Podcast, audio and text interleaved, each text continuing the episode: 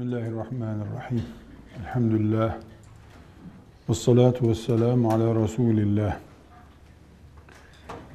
Müslüman kadının onurunun korunması, sözlü müdahalelerden, sözle inciltilmesinden muhafaza edilmesiyle alakalı meselelerimize devam ediyoruz. Ee, burada konuya girmeden önce bir mülahaza tespit etmemiz lazım. Şimdi bütün bunlar işte kadına şu kadar hakaret edince, söz söyleyince, iffetiyle ilgili şu şu şu diye Kur'an'dan, Nur suresinden e, konuşuyoruz. Şeytan akla şöyle bir soru getirebilir. E kadını dövünce aferin mi diyor İslamiyet, Kur'an-ı Kerim. Sözlü olmayan hakaretler, başka e, değerlendirmelere nasıl bakmamız gerekiyor? Buna cevap olarak diyoruz ki bir kere kadının gözü, kulağı, çenesi, dişleri elbette değerli. İnsan bu. Yani bir kadının dişinin dayak atılarak kırılması, gözünün şişirilmesi aferin denecek bir şey değil. Elbette değil. Ama kadının namusu gibi değerli bir şey yok. Namus başka şey. Kadının çenesinin, kemiklerinin kırılması başka bir şey. İkisi arasında fark var.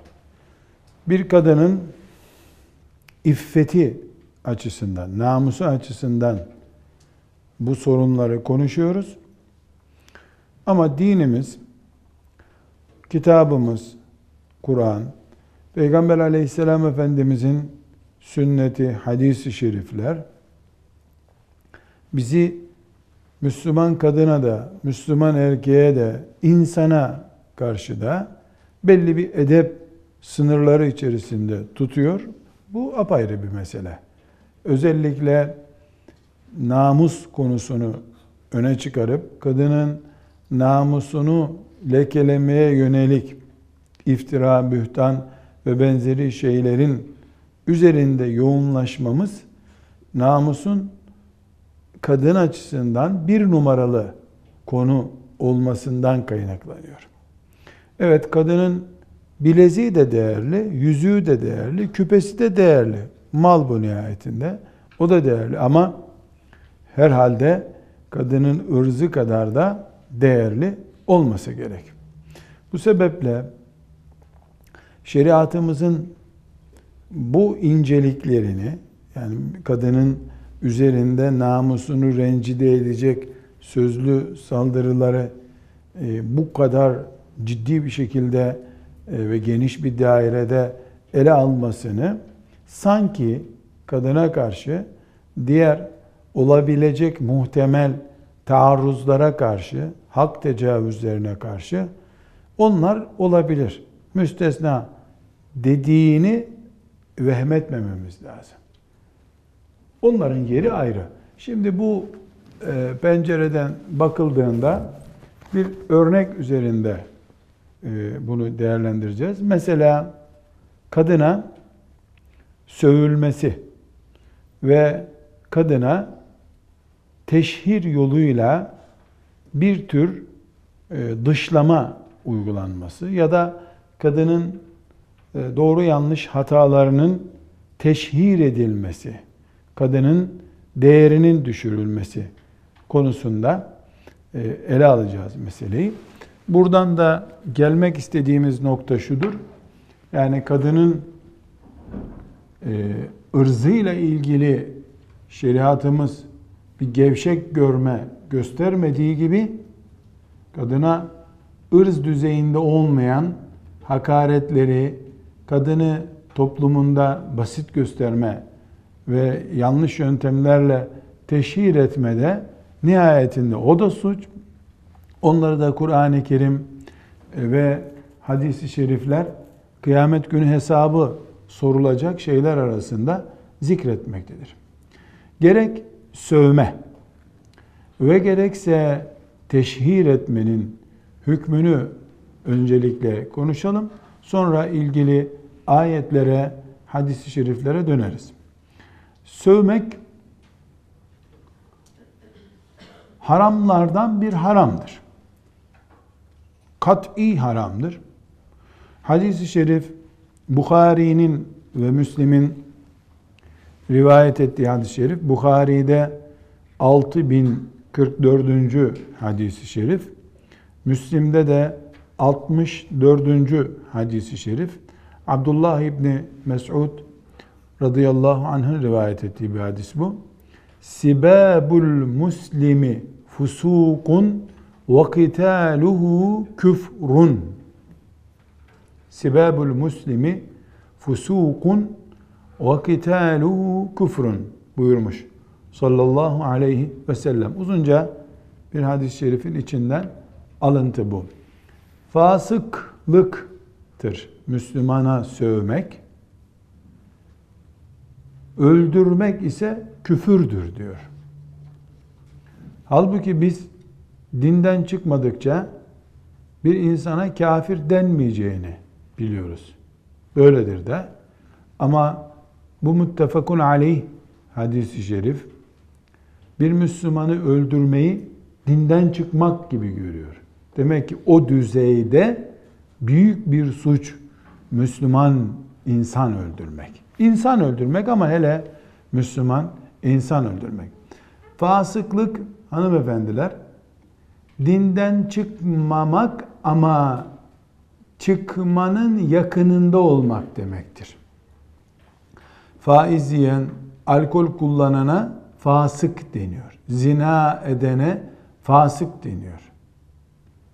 Kumar oynayana faiz yiyen gibi ve benzeri işte haramları işleyenlere fasık dendiğine göre Müslümana sövmek de fasıklıktır buyurunca Resulullah sallallahu aleyhi ve sellem Efendimiz sövmenin e, düzeyinin faiz gibi, zina gibi büyük günahlardan biri olduğu anlaşılmaktadır.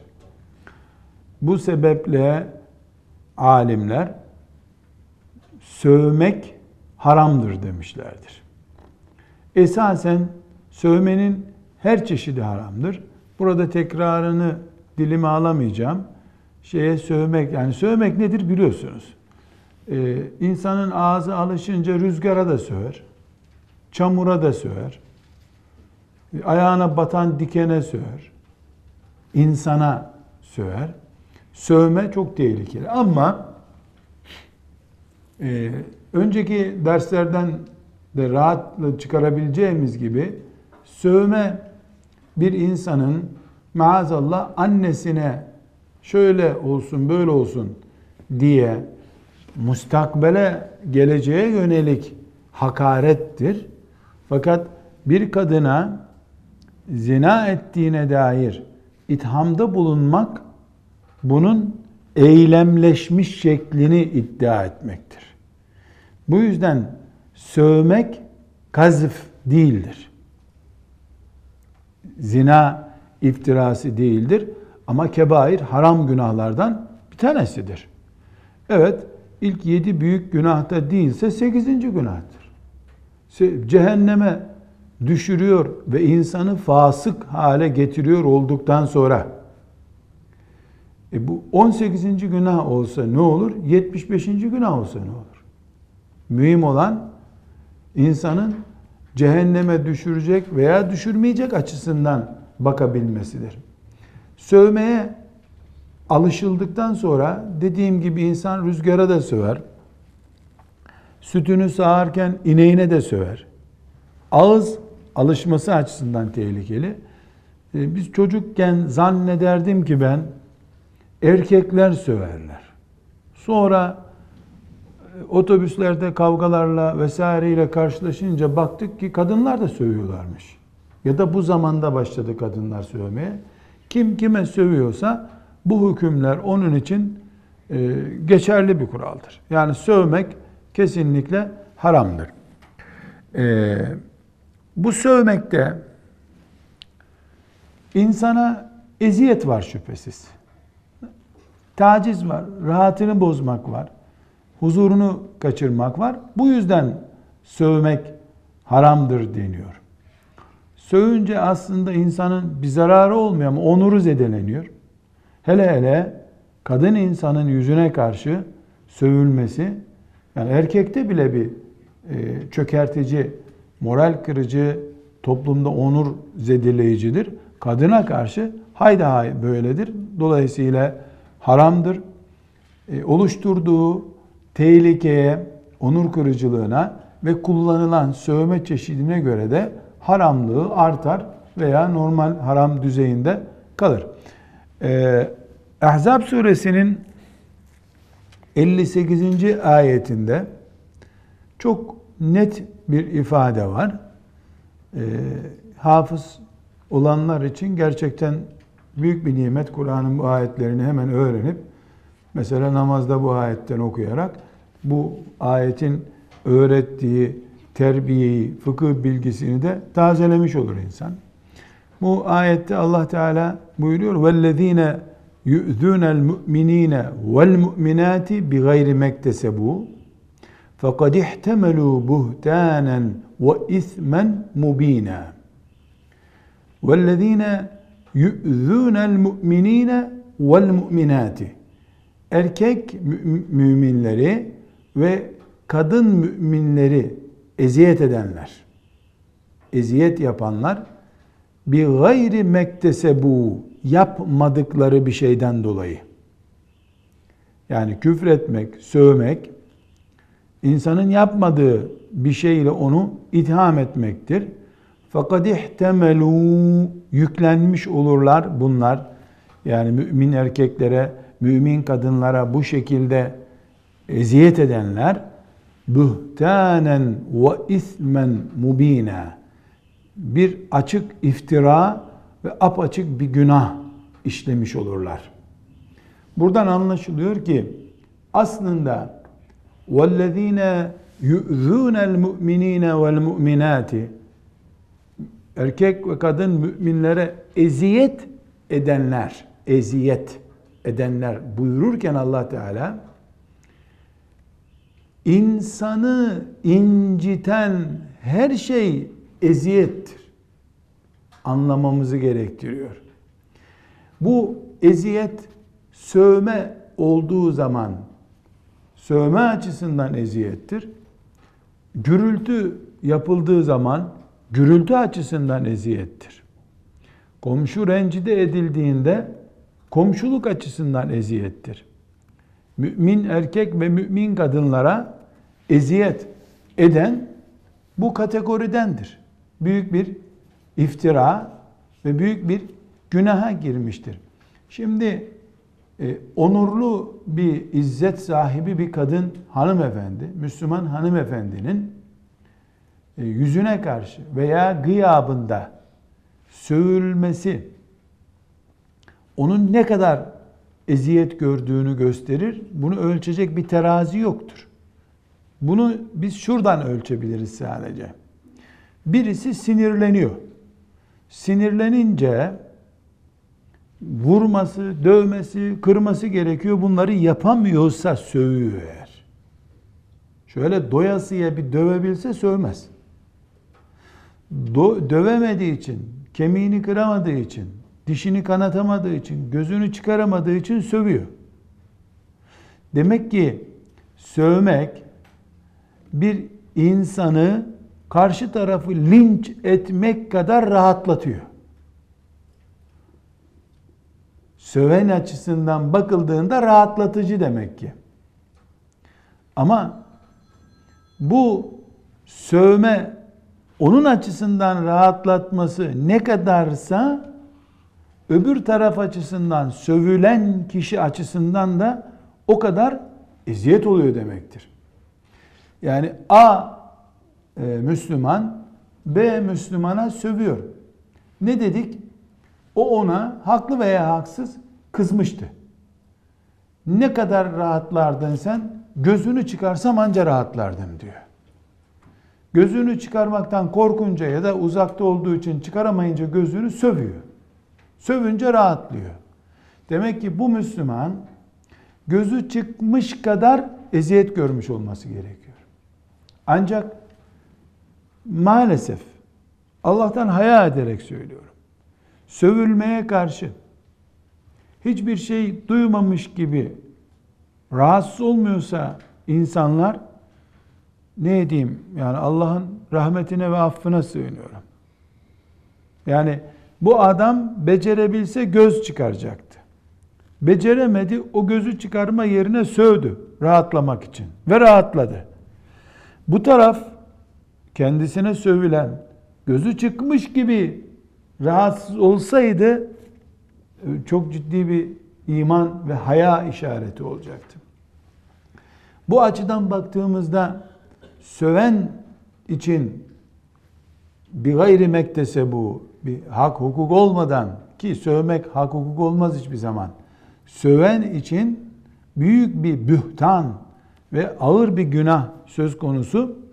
Bir tür sövmeye razı olan içinde bu rıza açısından sövmeye razı olmuş gibi yani gözü çıkmış dayak yemiş gibi rahatsız olmayacak mantığa sahip olmak da abes bir şey.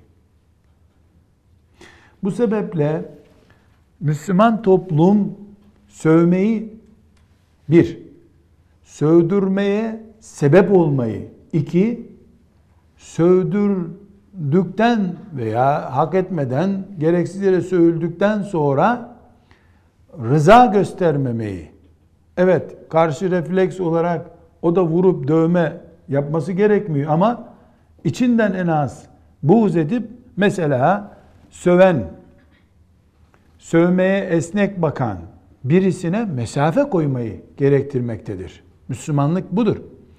Evet, biz toplum içerisinden sövmeyi kökten kaldıramayız. Kalkmaz. Yani kalk demekle kalkacak bir şey değil, deterjanla da yıkanacak bir şey değil. En azından insanlar sana duyurmadan söverler. İçinden söver rahatlar. Sövme genelde zaten arkadan yapılan bir, insanın yüzüne karşı yapılmayan, yoğunluk olarak yapılmayan bir şeydir. Ama Müslümanlar olarak biz sövmenin fasıklık kabul edildiğini bildiğimize göre, bunun günah büyük günahlardan biri olduğunu öğrendiğimize göre mesela mesela evlenecek birisi en azından dairesi var mı? Malı var mı diye araştırdığı gibi son 10 yıl içinde sövmüş mü diye de araştırması gerekir. Müslüman titizliği bu. Ömer bin Hattab çocuğunu evlendirecek olsa ve duysa 7 sene önce sövmüş o çocuk. Kızını ona verir miydi acaba? İsterse yüz kere tövbe etsin o. Ömer'in süzgecinden geçemezdi bir daha. Neden? Çünkü bu senin dilin buna alışık diye bakardı. Böyle bir örnek yok hadis bildiğim ama Ömer'le ilgili radıyallahu anh böyle bir şey bilmiyorum. Tanıdığım Ömer'e ölçümlük yaparak söylemeye çalışıyorum.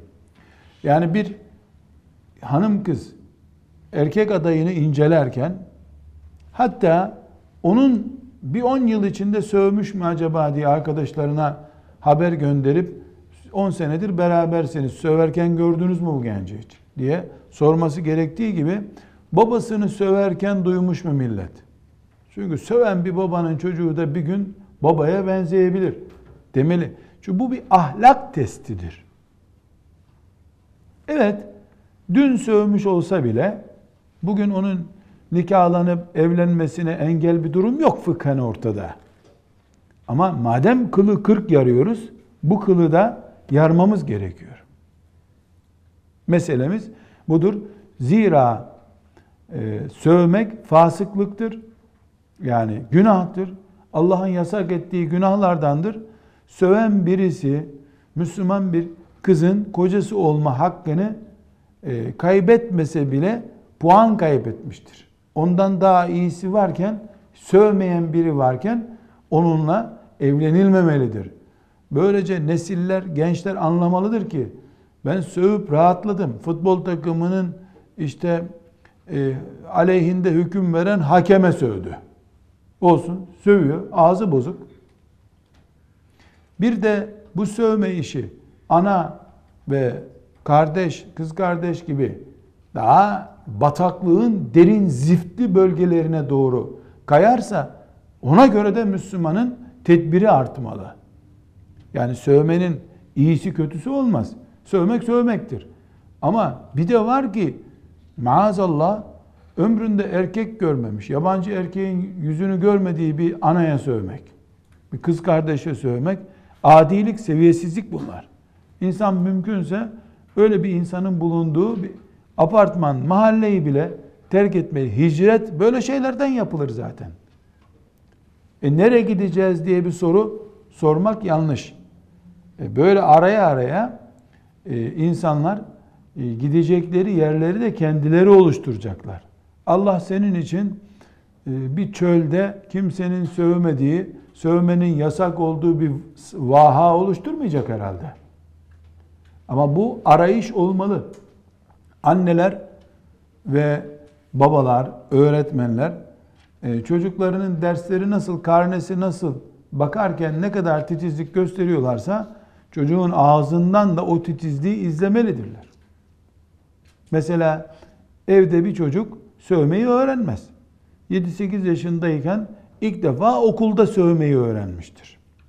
Anne bunu ilk duyduğu zaman baba kimse kim velilik yapıyorsa hiç beklemeden o gün ilk, mesela üçüncü derste okulda e, sövdüğü duyuldu. Dördüncü derse okula yetişmeli. Ortamı tahkik etmeli.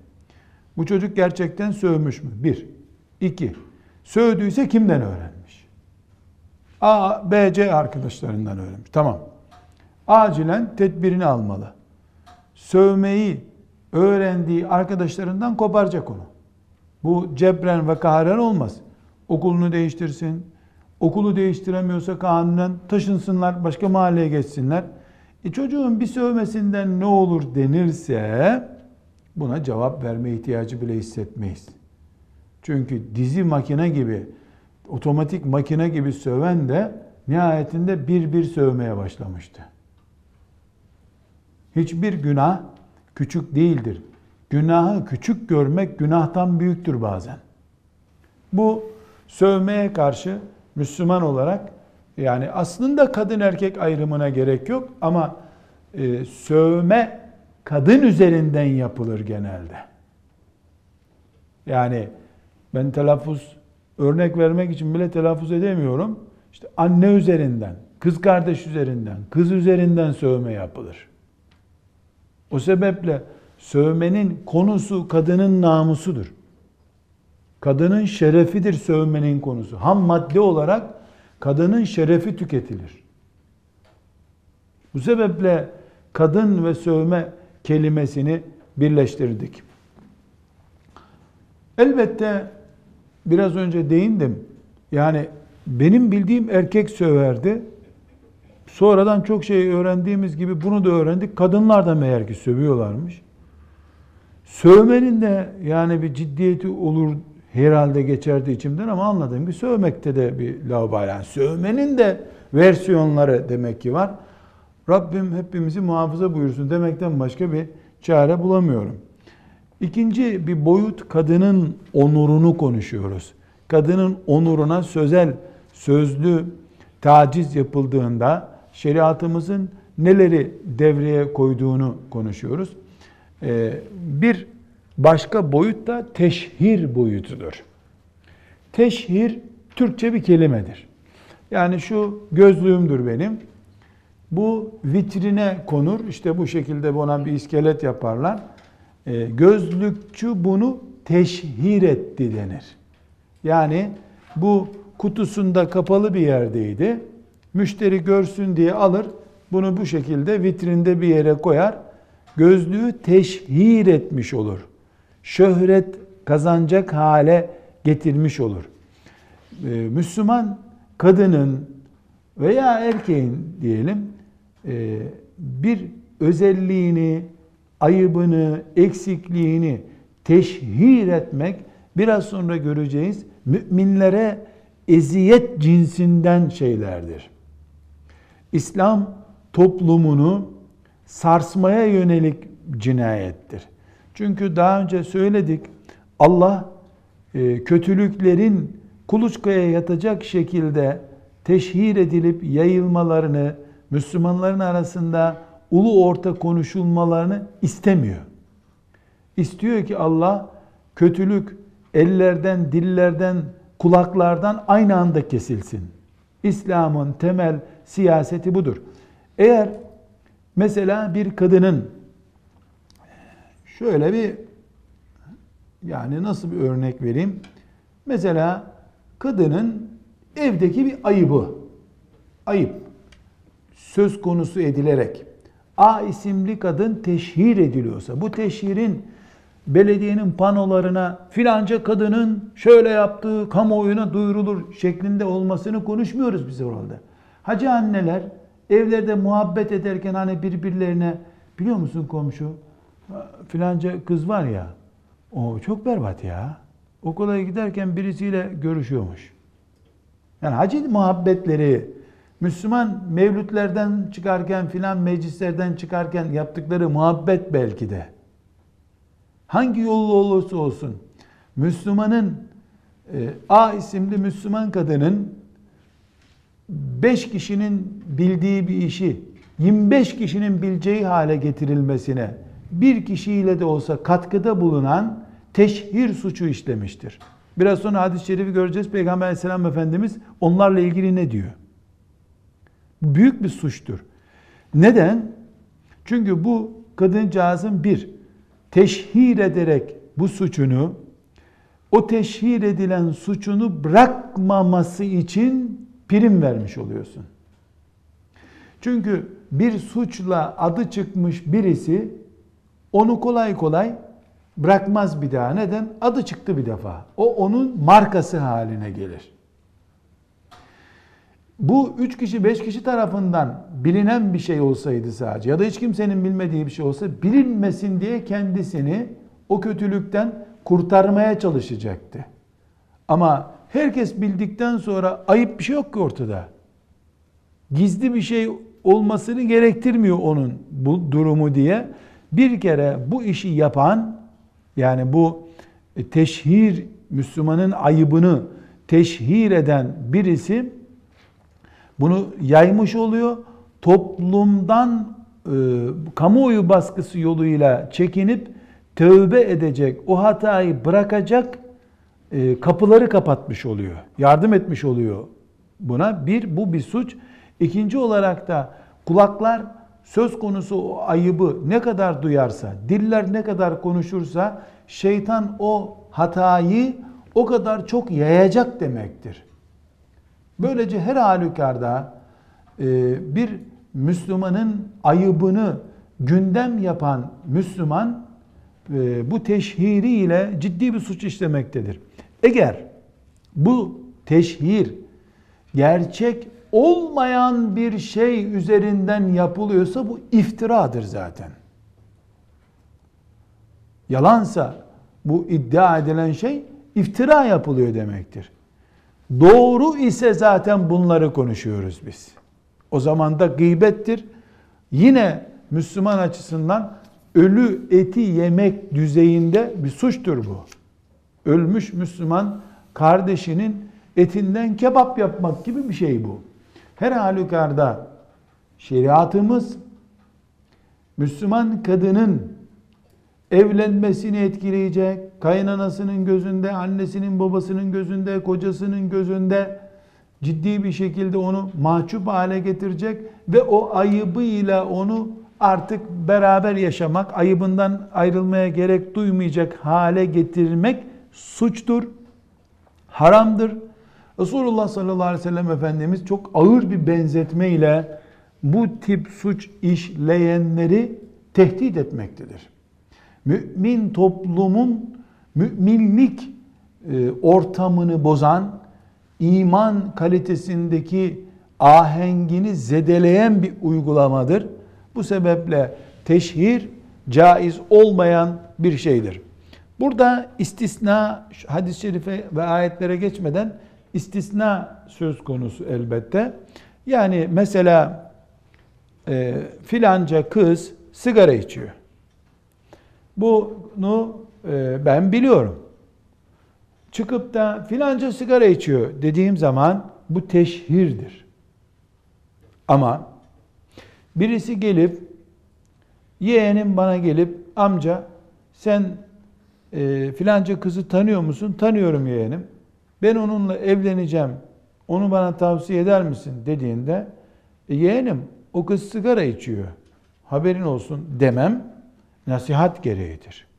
Bu teşhir değil, teşhistir. Teşhir başka şey, teşhis başka şey. Eğer ben bunun sigara içtiği ayıbını ona söylemeyecek olsam bir mümine hıyanet etmiş olurum. O da bunu evliyadan bir kadın Rabiat ibn Adeviye'den bir örnek zannedip evlenecek onunla. Sonra da bakacak ki ağzı sigara kokuyor. Hıyanet etmiş olurum. Bana sorulan soruya nasihat açısından veya bir olayın tahkik edilmesi açısından e, verdiğim cevap teşhir değildir. Böyle bir olayı teşhis etmiş olurum ben. Bu e, sakıncalı değil. Bir başka e, e, çapraz örnek diye isimlendireyim bunu. E, şeytanın taktikleri şüphesiz sadece üç örnek abi bu numara bu numara bu numara var demiyor. Milyon örneği var şeytanın. Yeter ki seni bir kere eline almış olsun. Yeri gelip şeytan nasihat ediyorum. Ee, düzelmesi için, ıslah etmek için uğraşıyorum numarasıyla da teşhir yaptırır. Mesela bir hocanın, öğretmenin, talebelerinden bir tanesi, kalk bakayım oğlum sen. Ben seni dün gördüm. Sen sokakta sigara içiyordun. Niye böyle yapıyorsun? Demesi nasihattir. Bunu hatta tatlı dille bile söylesem, canım kızım yapma, bu sigara iyi değil doğurduğun çocuk kanserli doğar diye böyle tatlı söylüyor olsa bile arkadaşlarının arasında onu sigara içmeyi sakıncasız hale getirecek kadar teşhir etmektir bu. Şeytan burada ne yapmıştır? Nasihat edip o kötülüğü önleme e, numarasının arkasına sığınarak teşhir yani bir kötülüğü reklam konusu yapmayı becermiş olur şeytan. Onun için nasihat ederken anne babalar da bu işe dahil. Mesela genç bir kızın işte banyo yaparken banyoda yaptığı şöyle bir kabahati var diyelim. E, üç kardeşi daha var o genç kızın. E, yemek yerken kız ben senin banyoda şöyle yaptığını bilmiyorum zannetme. Ben annenizin bak bu sefer affettim bir daha yaparsan babana söylerim dediği zaman teşhir etmiş oldu. Annenin vazifesi diğer kardeşlere de duyurmak değil ki. Eğer anneysen, öğretmensen bir kenara alıp canım kızım bu böyledir buna dikkat et tamam mı? Ben biliyorum kimse bilmiyor kimse de bilmesin demektir. Nasihat budur. Bunun faydası olur. Öbür türlü kişiselleştirilmiş şeylerin e, topluma mal, edecek, mal edilecek şekilde teşhir edilmeleri şeytan açısından bir yatırım çeşididir. Bu hususta e, kesinlikle çok dikkat edilmesi gerekiyor. Buna mecburuz. Şimdi Ahzab suresinin 58. ayetini tekrar hatırlayalım. وَالَّذ۪ينَ يُؤْذُونَ الْمُؤْمِن۪ينَ وَالْمُؤْمِنَاتِ بِغَيْرِ مَكْتَسَبُوا فَقَدْ اِحْتَمَلُوا بُهْتَانًا وَاِثْمًا مُب۪ينًا Mümin erkekler, mümin kadınlara eziyet edenler ayeti teşhirle bu işi yap, e, yapanları göstermektedir. Nur suresinin 19. ayetinde İnnellezîne yuhibbûne en teşî'al fâhişetu fillezîne âmenû lehum azâbun elîmun fid dünya vel âhire. Müminlerin arasında fuhşu reklam edenler dünya ve ahirette elim bir azaba müstehaktırlar buyururken Allah eh herhalde bundan başka bir şey göstermiyordu gibi geliyor. Ebu Berze el-Eslemi radıyallahu anh isimli sahabi Ebu Davud'un 4880.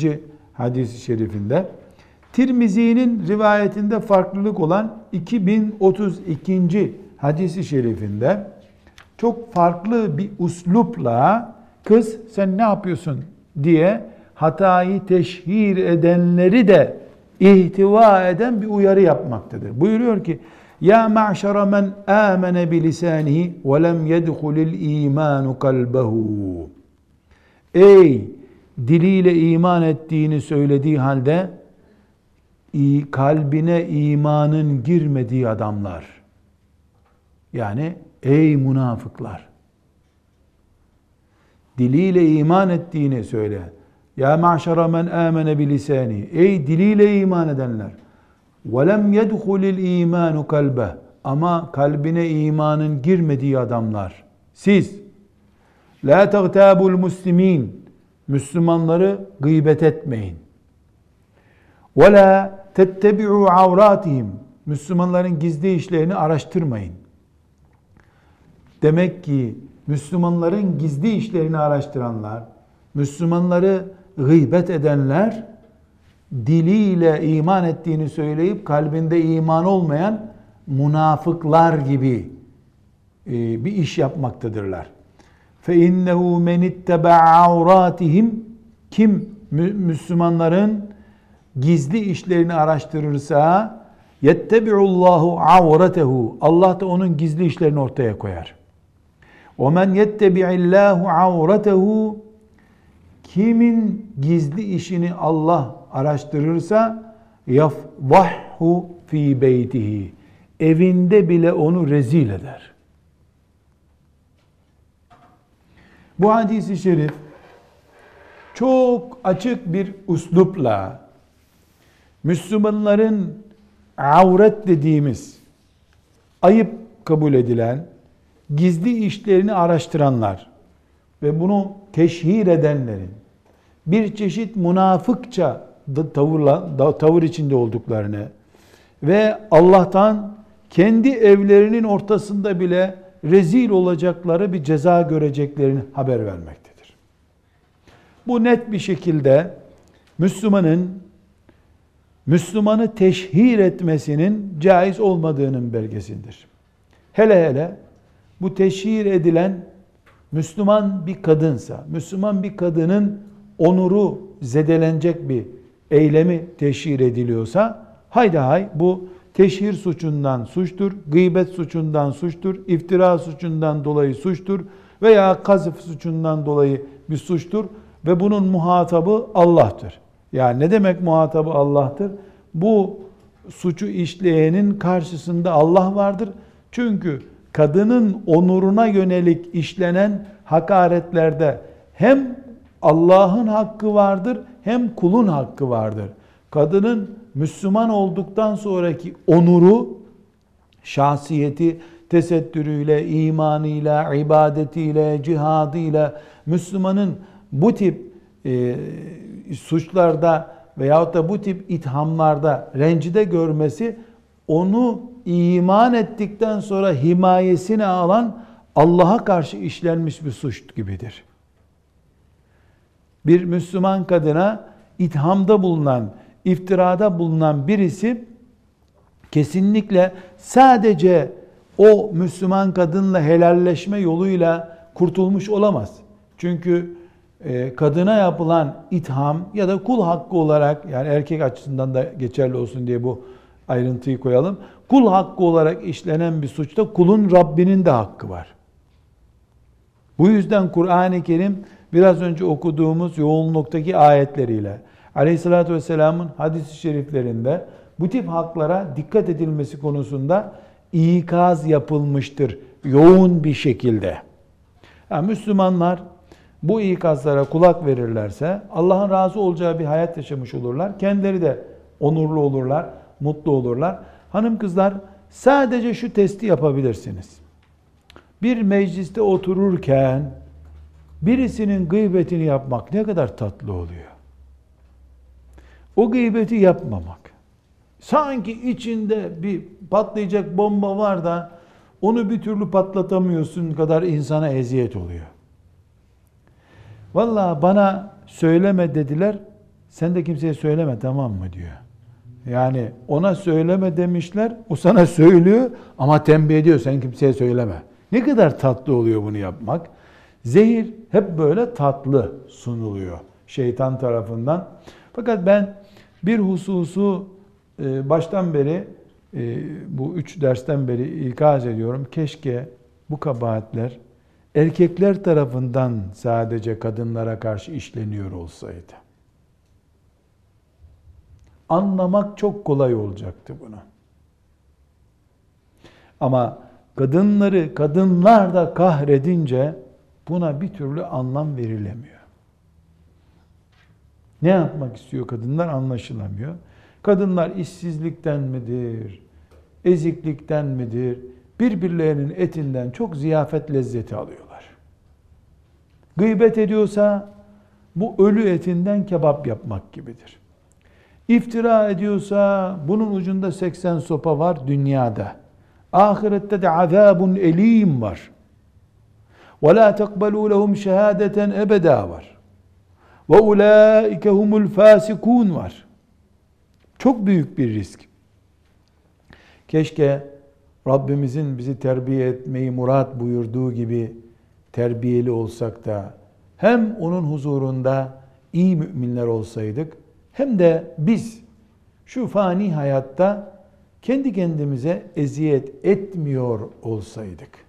Velhamdülillahi Rabbil Alemin.